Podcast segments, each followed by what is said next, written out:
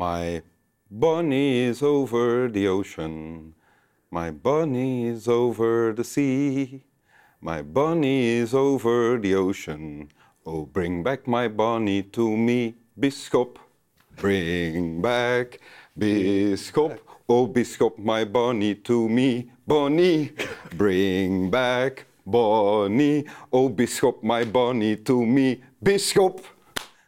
Dat heb ik al dikwijls moeten horen. Ja. Is het waar? Ja, ja, ja. Oh, Zolang als ik naar school ga, wordt dat gezongen. Ja. oh, oh ik dacht dat ik de bedoel eerste rondom mij. Ja. Ah, ja. Ja. Oké.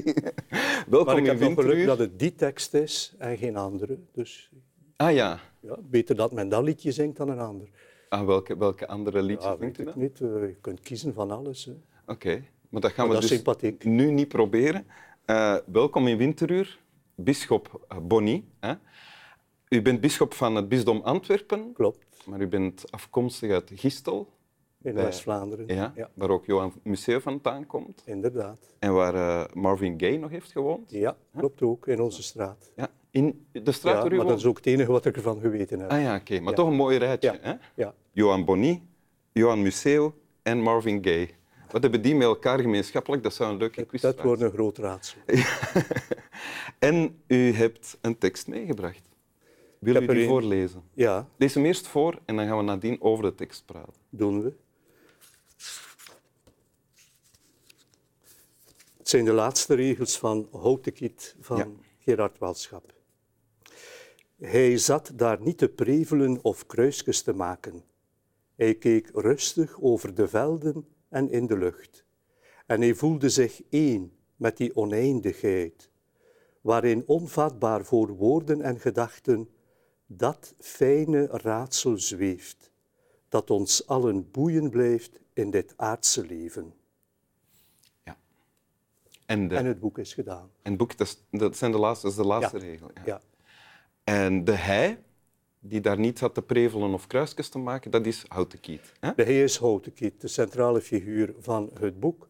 Een eh, oermens, een natuurmens, een mythische figuur die dat dorp daar in de zandvlakten van zoiets als de Kempen gesticht heeft. Ja? Eh, heel zijn energie in dat dorp eh, geïnvesteerd. eh, vooral overal kinderen heeft verwekt bij alle vrouwen die hij maar ontmoette. Ja? Zelf een hele weg heeft afgelegd. een beetje een spiegel van waar Walschap op dat moment in zijn leven aan toe is. Moeite heeft met de kerk, moeite met het geloof. Maar dan toch ontdekt, en zo staat het letterlijk in het boek, dat een dorp zonder kerk geen dorp is. Zelfs voor die ongelovige natuurmens, oermens, die Houtekiet is. Hij legt een heel traject af. Eh, goed, moet kunnen we op terugkeren. Ja. Maar in de laatste, allerlaatste scène van het boek is, uiteindelijk, na zoveel jaren vragen van zijn vrouw en zijn zestien kinderen bij die vrouw, gaat hij mee naar de kerk. Het kerkje dat hij zelf heeft gebouwd. Het kerkje loopt vol, hij gaat mee, aarzelt wat. En terwijl de families eh, en zijn eigen gezin de kerk instappen, vlucht hij omhoog, de toren in en klimt op het dak en in de toren. En terwijl beneden de pastoor de, de, de Eucharistie viert en de gebeden opzegt en iedereen zingt en bidt, zit hij boven alleen over de velden te schouwen. Houd de kiet, en het is vooral over die dubbelheid waarin ik mij herken hè, en waar het mij om te doen is. Van de ene kant tot het besef, er is iets meer dan alleen maar natuur en, en, en werk en arbeid en leven en sterven. En er is iets meer, er is een groter geheim. Maar wat hier in de kerk gebeurt, is voor mij te klein om dat geheim te vatten. ja. Dat is erbij zijn en er niet bij zijn. Wat Houtekiet doet. Wat Houtekiet doet. Ja. Hij is erbij en toch, hij zit erboven en hij, hij heeft meer ruimte nodig en meer adem dan alleen wat in die kerk gebeurt. En die spanning, die dubbelheid, dat heeft mij toen al, toen ik het de eerste keer gelezen heb, ik denk in 1973, mijn eerste jaar dat ik op het seminarie zat. 1973. In 1973 heb ik het gelezen. Het boek zelf is van 49. Ja, ja, ja. Maar het stond het toen nog op de Nee, dat was lang voorbij. Nee, was- ik weet ook, dat heeft daarop gestaan, maar hoe lang dat die lijst meegegaan heeft, weet ik ook niet. Nee, ja. Nee, nee, toen was dat al een veel gelezen boek.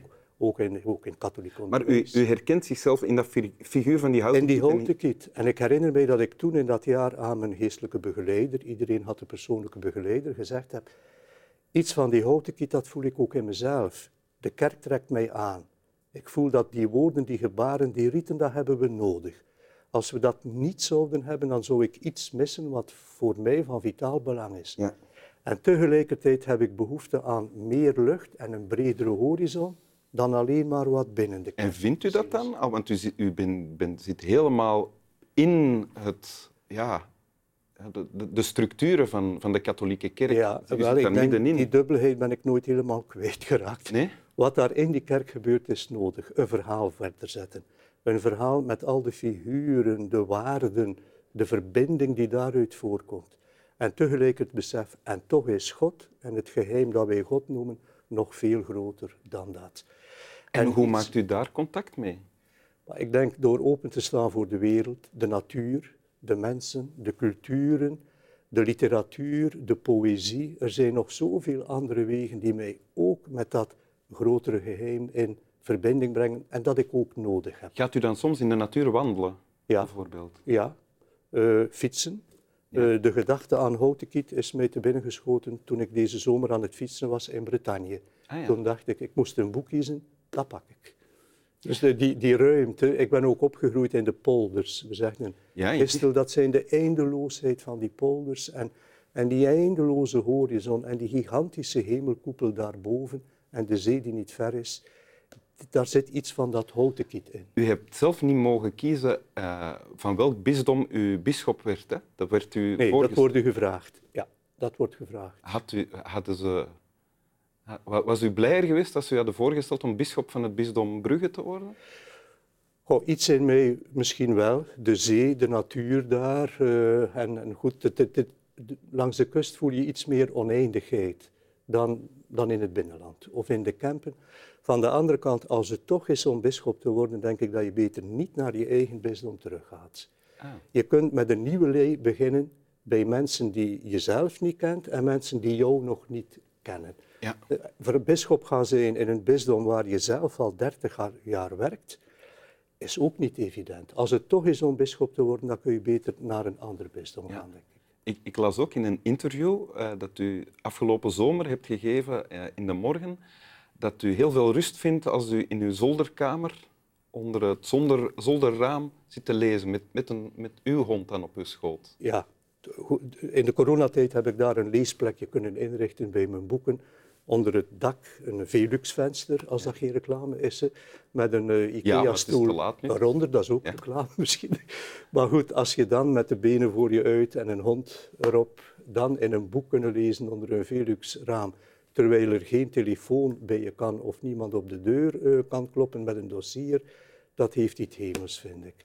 En dat is ook iets, iets van die, die, die luchten en, en die brede horizon van Houtenkiet. Ja, daar iets poëzie mogen lezen bijvoorbeeld, of een roman, als je zo onder het dak zit en, en, en de blote hemel boven je ziet.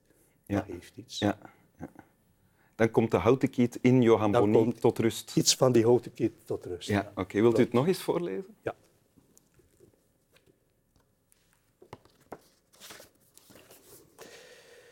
Hij zat daar niet te prevelen of kruisjes te maken.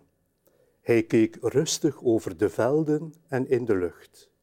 En hij voelde zich één met die oneindigheid, waarin onvatbaar voor woorden en gedachten dat fijne raadsel zweeft dat ons allen boeien blijft in dit aardse leven. Dank u wel. Graag gedaan. Slaap wel.